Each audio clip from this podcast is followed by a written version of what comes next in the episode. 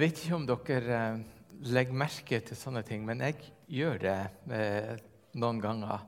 Eh, og det er dette at det finnes liksom enkelte avsnitt i Bibelen som noen kommer fram til. Og det er ikke liksom bare én person, men det er mange personer. Og et av de avsnittene i Bibelen som jeg hører ofte blir sitert fra flere, det er dette her. Gled dere i Herren alltid. Og igjen vil jeg si gled dere. Gled dere i Herren alltid. Og Det er noe med den der gleden sikkert som gjør at den teksten den tiltaler oss på en eller annen måte. Eh, når jeg bodde oppe i nord, så ble jeg kjent med en, eh, med en mann som heter Ivar B. Larsen. Han er død for mange år siden.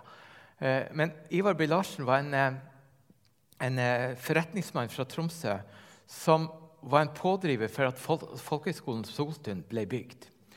Og eh, Ivar B. Han, eh, han, sier det sånn, han sier det sånn til meg, så sier han det.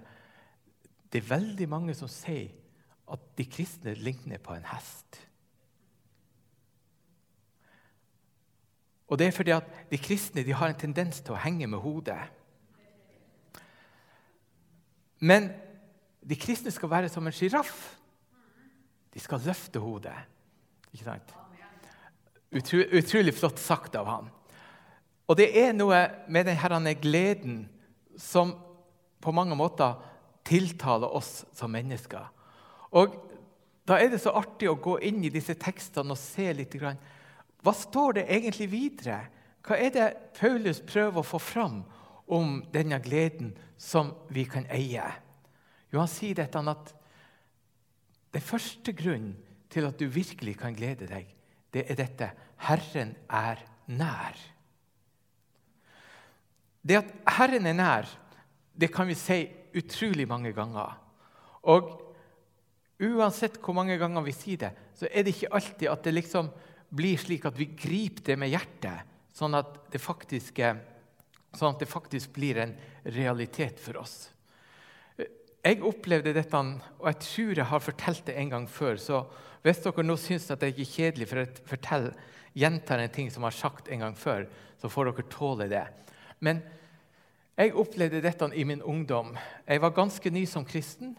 Og jeg vokste opp i ei tid der jeg var veldig, veldig mørkeredd. Er det noen av dere som har vært mørkeredd? Ja, det er godt. Er det noen som fremdeles er mørkeredd? Det tør, ja, det er litt sånn. Det er greit. Det, det, er lov til det. Og det å være mørkeredd det er jo sånn at eh, når jeg vokste opp, så var det ikke gatelys overalt.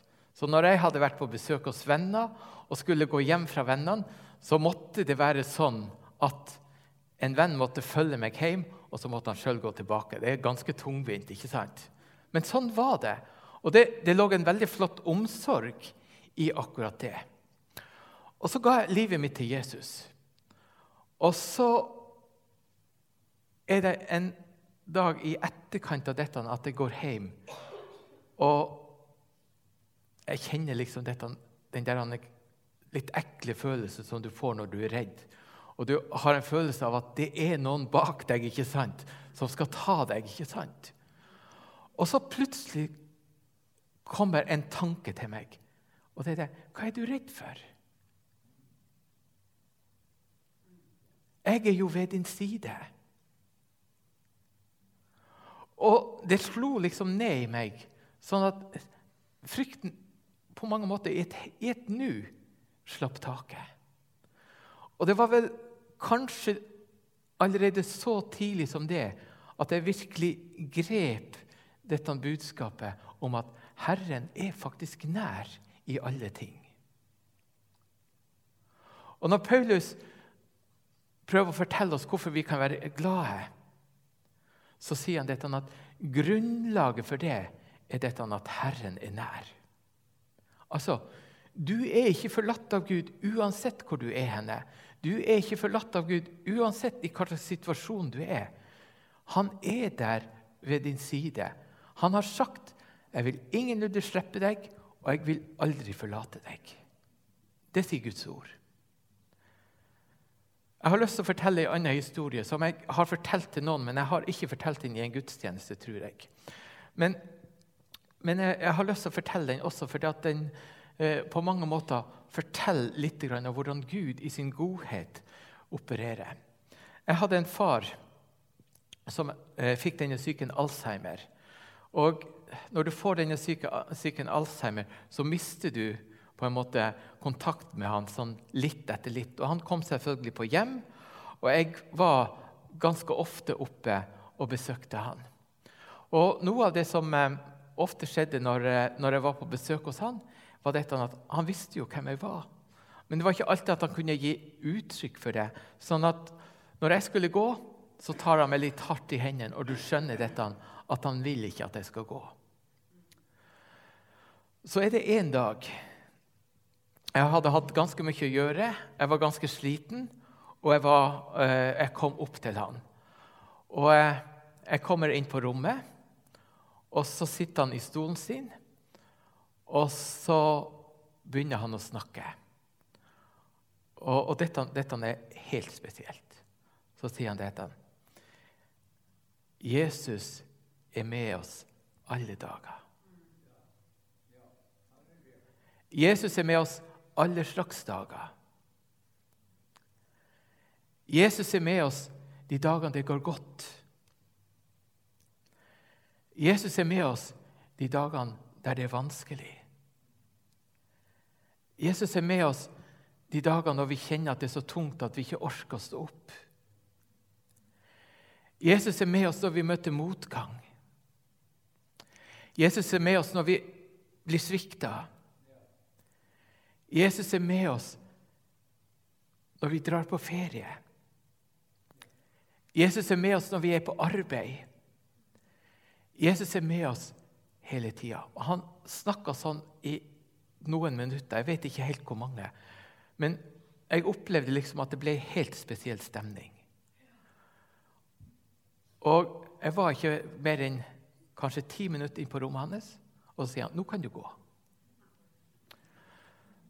Noen ganger så er Gud i stand til å ta det som vi tenker ikke er i stand til å gjøre noen ting, og formidle et budskap som blir så sterkt at det liksom setter seg i ryggmarken. Og jeg tror det er noe av det Paulus ønsker å få fram når han begynner å snakke om gleden. Det er dette budskapet om at Herren er nær må få lov til å sette seg ordentlig i ryggmargen hos oss. Sånn at vi virkelig forstår dette. At vi gjør ingenting uten at han er der. Var det forrige søndag hun, eh, Anita sang 'Ikke en spurv til jorden uten at Gud er med'? Det er en annen måte å uttrykke akkurat det samme på. Herren er nær. Og Det er det første punktet som du kan få med deg i denne teksten som eh, Jonas leste for oss. Herren er nær. Men så sier Paulus nå videre. Vær ikke bekymra for noe. Ok. Det er litt vanskeligere å leve opp til, ikke sant? Det er vanskelig å leve opp til det og ikke være bekymra for noe. Ikke sant? Vi kan jo liksom bare se på den verden vi lever i, og, sånt, og tenke litt om hvordan det kommer til å gå. Så det er mange ting som kan gjøre oss virkelig bekymra. Ikke sant? Og vi kan tenke på dette ikke sant, at eh, Hva skjer hvis du mister jobben? Eller hva skjer hvis sykdommen rammer meg?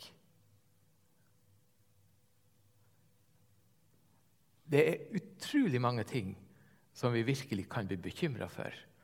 Og Nå sier jeg ikke at det å bli, bli, bekymra er galt, men jeg prøver å formidle noe av det Paulus prøver å si til oss. Han sier når bekymringer kommer, skal du ha med deg disse tingene. Herren er nær. Du er ikke forlatt. Og dine bekymringer de kan du legge fram for Herren. La alt det du har å be om, komme fram for Gud i påkallelse og bønn med takk. Det er faktisk det, er faktisk det Paulus sier. Så når vi kjenner at bekymringen kommer,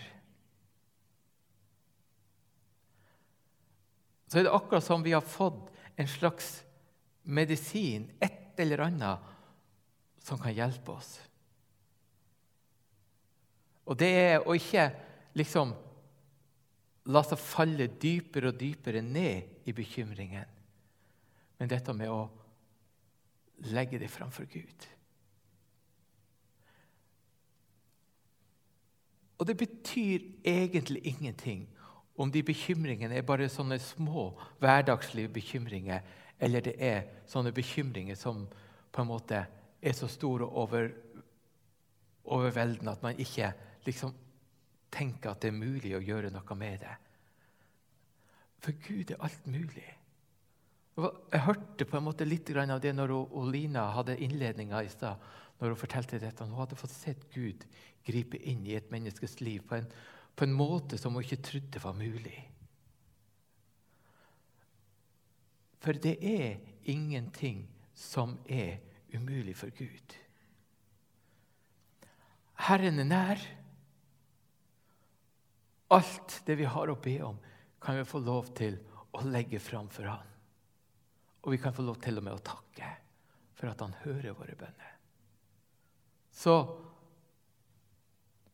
vi har fått en medisin til hvordan vi skal takle bekymringer.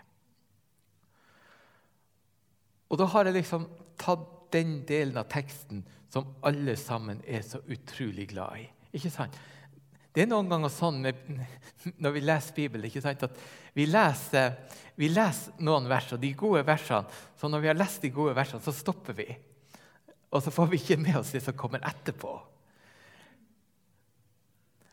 Og Når jeg har kalt denne talen her et grunnlag og en retning, så er det nettopp fordi at jeg plutselig, når Petter talte forrige søndag, så så jeg en lite glimt som jeg liksom ikke hadde sett før. Det er rart det her, hvordan hvordan du kan være i gudstjeneste, du kan være i en situasjon. Og når du, når du, er åpen for å ta imot det som kommer fra Gud, så får du noe. Så grunnlaget vårt er jo dette. Vi er aldri forlatt av Gud. Herren er nær. Vi kan få lov til å komme til Han med alle ting. Bekymringen skal ikke få makt over oss, for at vi vet en vei å gå som gjør at vi kan legge bekymringer fra oss. Men så kommer retninga. Da skal jeg lese. For det er det som er det eh, fine. Til slutt, søsken, altså som en sånn liten etterord til det han har sagt. Alt som er sant og edelt rett og rent. Alt som er verdt å elske og akte. Alt som er til glede, og alt som fortjener ros. Legg vind til det. For når Petter forrige søndag snakka om dette med tro og liv, så er det veldig tydelig sant, at den troen som vi har, den skal ha en innvirkning i vårt liv. Det skal på en måte skape noe i oss. Det skal bli noe annet når Jesus Kristus virkelig har fått det der dype festet hos oss. Og Nå kjenner jo dere hvordan hverdagene våre kan være. ikke sant? Eh, bare for å ta et eksempel.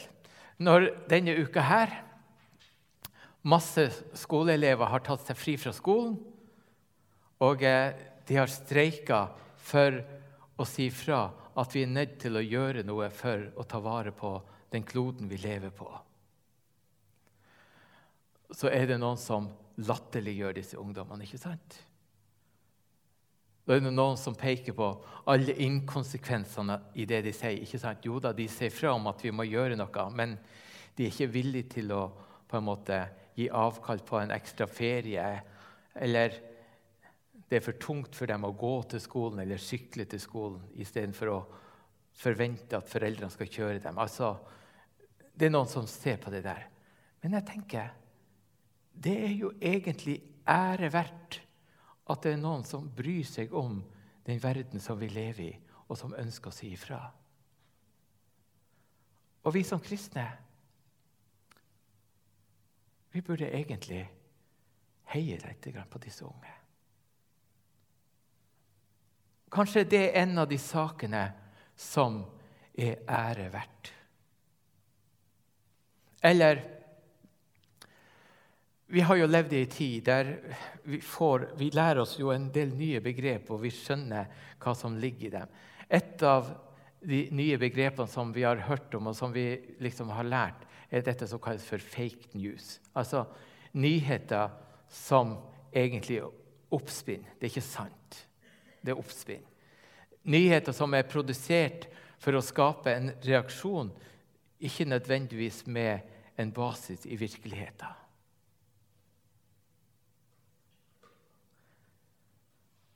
Og vi skal ikke være naive og tro at ikke det skjer. Men når Paulus gir oss retninga, så sier han det det som er sant, det skal vi heie på. Det som er sant, det skal vi legge merke til. Det som er sant, det skal vi støtte. Og vi vet at det rundt oss er utrolig masse løgn. Og vi kristne kunne selvfølgelig gjøre det på den måten der at vi på en måte prøvde å påpeke alle disse negative tingene og hive oss med i hylekoret. Men Paulus sier, tenk heller motsatt. Se etter det som er sant, og front det. Se etter det som er sant, og front det.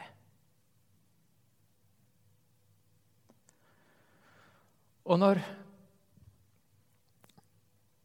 vi hører noen ganger mennesker gir avkall kanskje på sin fritid, gir avkall på eh, goder på en eller annen slags måte, for at de tar på seg et ansvar for å være med og bringe noe positivt inn til andre mennesker. Når noen sier det sånn at jo, jeg vil ta av min tid og være en venn og gå og besøke noen som trenger å få et besøk. Eller jeg vil påta meg et ansvar og prøve å gjøre noe fornuftig for barna og ungdommene som vokser opp, sånn at de kan få et godt tilbud. Kanskje et alternativ til dette når hele tida sitter på en skjerm eller foran en skjerm i alle anledninger. Da skal vi heie på sånne folk. Da skal vi oppmuntre dem og gi dem ros. For det er sånne ting som er ære verdt i vår tid. Og Det er så interessant å se dette at Paulus i denne sammenhengen her, han retter altså blikket imot det som er det positive, og sier dette. Se på det, hei det fram, og lev i det.